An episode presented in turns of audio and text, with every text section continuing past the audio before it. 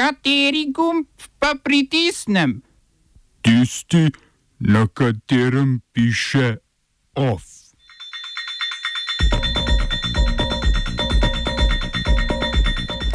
Po odstopu finančnega ministra Andreja Bertonclja padla še vlada. Kršitve premirja v Libiji.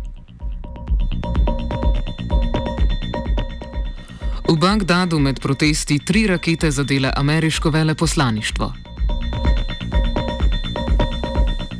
V kulturnih novicah obeležitev 75. obletnice osvoboditve koncentracijskega taborišča Auschwitz.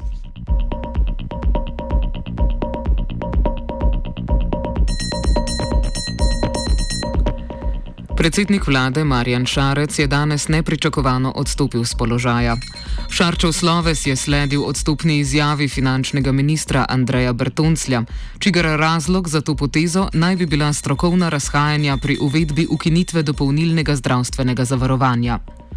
Premijer Šarec je sicer povedal, da nesoglasje med ministroma Šabedrom in Bertoncljem ni vplivalo na odločitev o odstopu. Kot je dejal, se je za odstop odločil, ker meni, da so nove volitve edina rešitev, saj vlada ni uspela zbrati dovolj podpore za svoje reformne projekte. Premijer pričakuje razpis predčasnih volitev, v kar pa niso prepričani vsi predsedniki strank, v prvi vrsti predsednik SMC Zdravko Počivalšek. Možnosti za sestavljanje nove koalicije v obstoječem sklicu državnega zbora vidita tudi Alenka Bratušek in Zmago Jelinčič. Za nove volitve se zauzemajo v Novi Sloveniji, SDS-u, SD-ju in Levici. Več v offsajdu ob 17.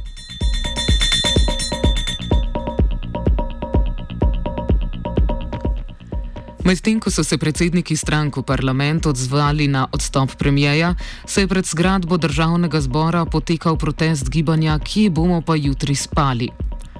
Na trgu republike so postavili stanovansko naselje iz kartonastih škatel. S tem želijo opozoriti na neaktivnost države pri reševanju stanovanske politike, ki ne podpira gradnje dostopnih stanovanj. Več razloži Tonja Jerele. Politika praktično ne obstaja, nastale krize pa se ne rešuje z ustreznimi ukrepi. Že, smo, želimo z interaktivno intervencijo opozoriti na stanovansko problematiko in širšo javnost spodbuditi k odzivu in ukrepanju.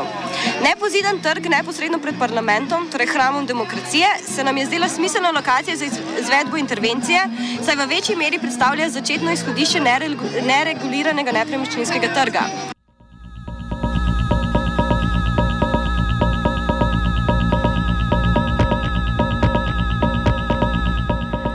Na državnih volitvah v Emiliji Romaniji je levo-sredinski demokratski stranki uspelo ohraniti večino pred skrajno desno stranko Liga.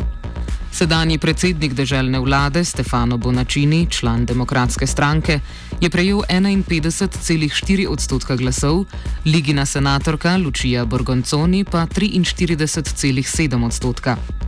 Beležili so tudi skoraj rekordno volilno udeležbo, ki je bila kar 67 odstotna. To je znatno više kot udeležba izpred petih let, ko se je volitev udeležilo le 37 odstotkov vseh upravičencev.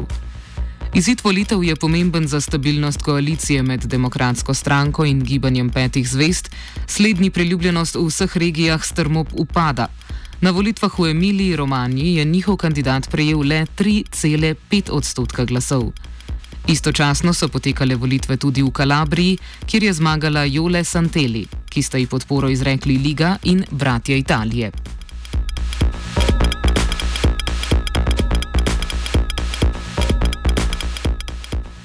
Protivladni protesti v Iraku se nadaljujejo, hkrati pa potekajo tudi ločeni protiameriški protesti, ki jih vodi šiitski klerik in politik Muqtada al-Sadr. Ta je do nedavnega še podpiral večinske protivladne proteste, a jim je prejšnji teden oduzel podporo ter jih pozval k umiku, da pozornost nameni lastnemu protestu. Tega je v petek podprlo vsaj četrt milijona ljudi, ki so v miroljubnem protestu pozvali ameriške vojaške družine naj podprejo umik ameriških vojakov iz Iraka ali pa pripravijo njihove krste. Podporniki Al-Sadra so ob pozivu k umiku izpraznili svoje šotore na trgu Tahrir, čemur so sledile policijske racije in poskus vstopa na trg, ki ga protestniki trenutno še vedno okupirajo. Med nadaljevanjem protestov v soboto so tri rakete zadele ameriško veleposlaništvo v Bagdadu, dve sta zadeli zeleno cono, ena pa je padla na jedilnico veleposlaništva. ZDA so pozvale Irak k zaščiti njihove stavbe.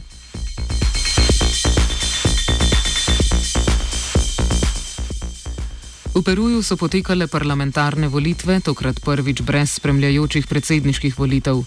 Volitve sledijo septembrski razpustitvi parlamenta po ukazu predsednika Martina Viskare. Nobeni stranki ni uspelo pridobiti večine, največ glasov sta pridobili centristični vijolična stranka in PA, a nobena več kot 15 odstotkov. Največja stranka prejšnjega sklica parlamenta, skrajno desna ljudska sila, je pridobila le 7 odstotkov glasov. Izvoljeni poslanci bodo imeli mandat le do sredine leta 2021, ko bodo znova potekale tako predsedniške kot parlamentarne volitve. Zdaj izvoljeni na njih ne bodo smeli sodelovati.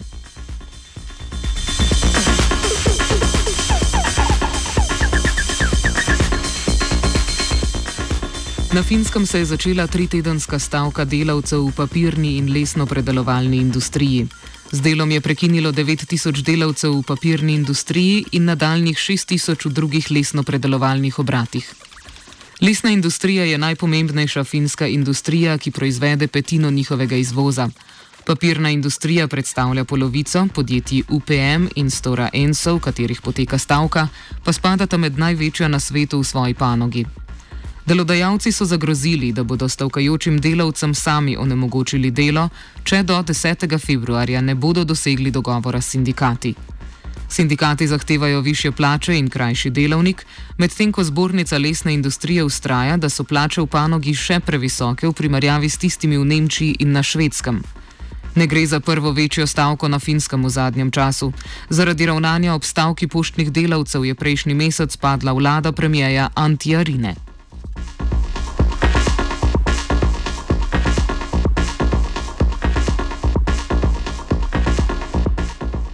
Sile generala Khalife Haftarja so začele ofenzivo proti tretjemu največjemu libijskemu mestu Misrati. S tem je očitno propadlo tudi premirje, ki je bilo sklenjeno ob posredovanju Turčije in Rusije. Misrata velja za oporišče vojaških milic, ki nasprotujejo Haftarju in tako imenovani Tobruški vladi.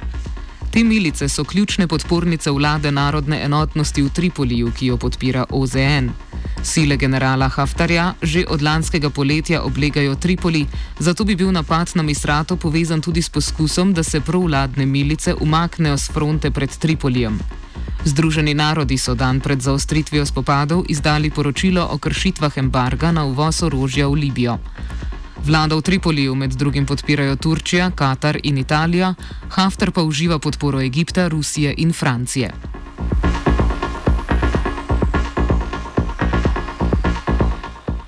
Ovsta pripravila vajenka Lucija in Gal.